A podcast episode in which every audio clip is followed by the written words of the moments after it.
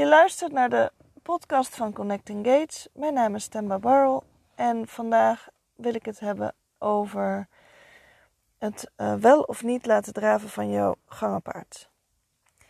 Er zijn namelijk een heleboel paarden die natuurlijk gewoon kunnen draven.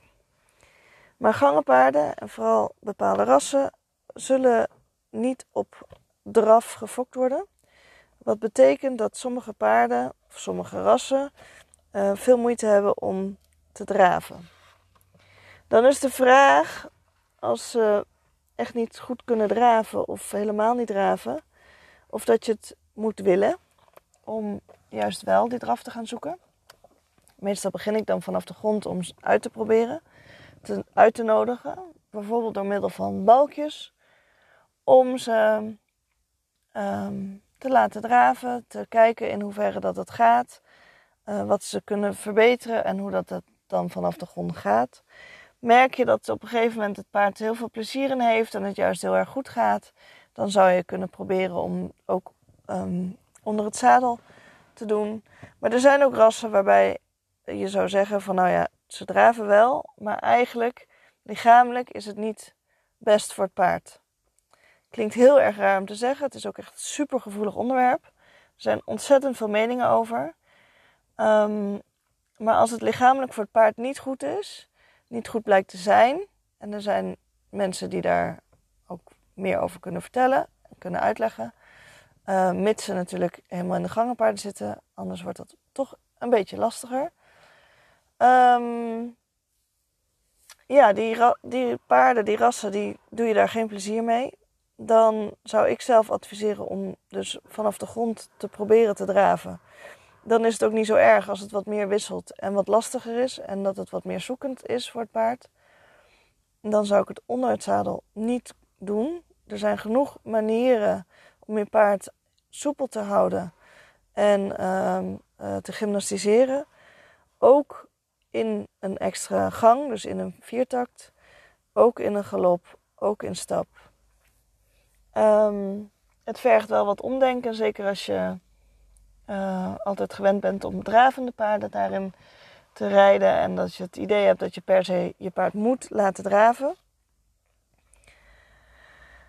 Um, nou is het ook zo dat er verwarring kan ontstaan wanneer je een draftraining gaat doen. En met, daarbij gepaard met ontzettend veel uh, onbalans, zoals bijvoorbeeld de gangsalade. En dat houdt in dat ze dus elke keer weer een beetje uh, draf, een beetje viertakt, een beetje galop, van alles door elkaar husselen. Elk been kan wel weer iets anders doen. En um, dat is een fase om doorheen te komen. Zowel vanaf de grond als in het zadel.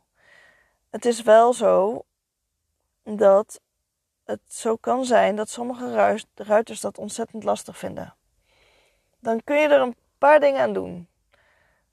Eén ding is er bijvoorbeeld een bijrijder voor zoeken. Dat zou niet direct mijn voorkeur zijn, maar stel je zou sowieso een bijrijder willen zoeken voor je paard, dan zou ik dat, ja, zou dat een optie kunnen zijn.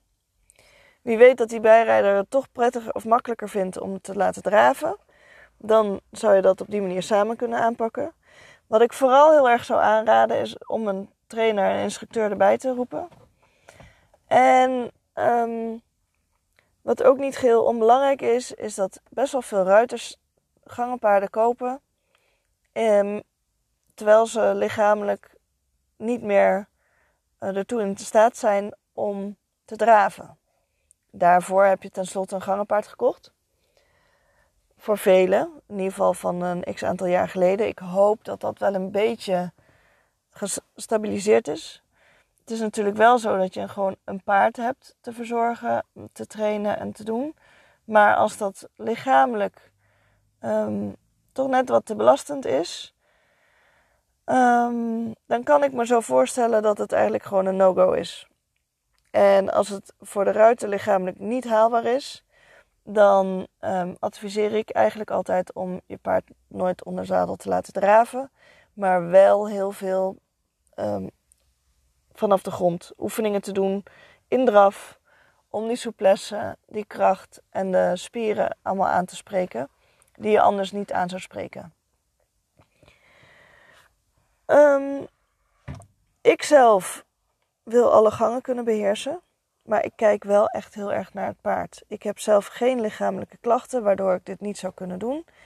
En um, daarom vind ik het wel prettig en fijn om alle gangen te rijden. Nou is het zo dat ik een wolker heb gehad die wel kon draven onder het zadel, maar dat was echt niet helemaal haar um, beste ding, zeg maar. En die heb ik vooral heel erg getraind in haar viertakt en ook kunnen gymnastiseren in haar viertakt. Dit heb ik ook bij mijn Mary, die ik nu heb, um, mijn Rocky Mountain Horse Mary. Zij is echter alleen wel een echte drieganger, om het maar even zo te noemen. Maar dan niet een drieganger als in draf, maar dan juist met viertakt. Ook zij is gegymnastiseerd en begeleid en soepel. Maar ook haar wil ik, als ik weer um, uh, zal gaan rijden met haar, dan um, gaat zij ook in een, ja, zo te noemen, draftraining. Want zij zet nog maar net één pas draf in um, drie jaar tijd, wat ik heb zien doen. in de wei. Gewoon los. Zet zij één pas draf. Verder heb ik er nooit zien draven. Dus um, wil niet zeggen dat ze het niet kan, maar ze weet gewoon niet hoe en ze vindt het niet nodig. En toch wil ik haar uitnodigen vanaf de grond om eens te kijken hoe het is voor haar om te draven. En als ze het nog nooit heeft gedaan, dan weet ze ook niet hoe, wat het is.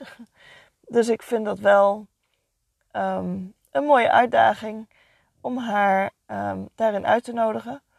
Ik weet niet of ik haar onder het zadel zal gaan vragen voor draf. Ik hoop het wel. Ik hoop dat ze het gewoon. Um, dat ze de rug losser kan laten.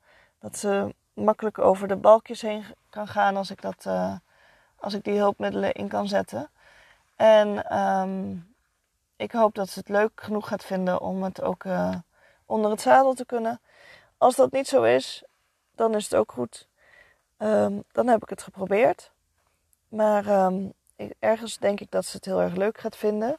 Maar ook wel heel moeilijk en spannend in het begin.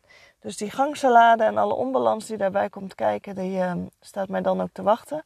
Vind ik zelf niet erg. Ik weet tenslotte ook hoe, hoe ik het op kan lossen of hoe ik het kan ondersteunen. En ook dat het maar tijdelijk is. Dat is ook echt een advies voor jou. Als je ermee begint, als je eraan gaat beginnen, als je de motivatie hebt om je paard te laten draven, weet dat dit een fase is om doorheen te gaan. Die onbalans die hoort daarbij.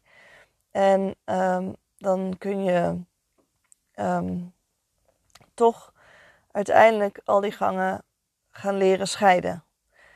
Mocht het zo zijn dat dat niet lukt, dat je het te lastig vindt, te moeilijk vindt, je paard kan het niet goed, is het ook goed. En heb daar vrede mee. Ga er niet onzeker over worden. Van alle anderen kunnen dat wel en ik niet. Dat is helemaal niet nodig. Mijn paard kan dat niet, ik kan het niet.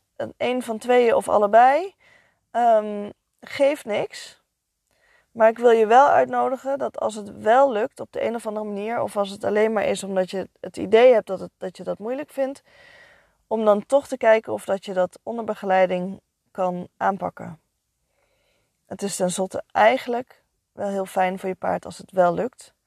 Als er tenminste geen gebreken zijn, of ja, gebreken klinkt wel heel raar, maar als het niet iets heel moeilijks is voor, om, te, om te doen, zeg maar.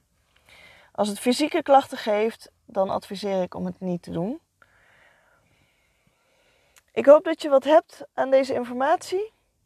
Um, ik wil het hier even bij laten. En um, mocht je willen weten of dat het voor jou um, iets is om, om juist wel of niet te doen, uh, loop je ergens tegenaan, wil je even sparren, ja, dan kun je mij even een berichtje sturen. Dat, um, uh, ja, wie weet. Geef even aan dat je deze podcast hebt geluisterd, dan weet ik waar, wat, je, wat je vraagstuk is. En um, voor de rest rest mij om jou een goede dag of nacht nog te wensen. Tot de volgende!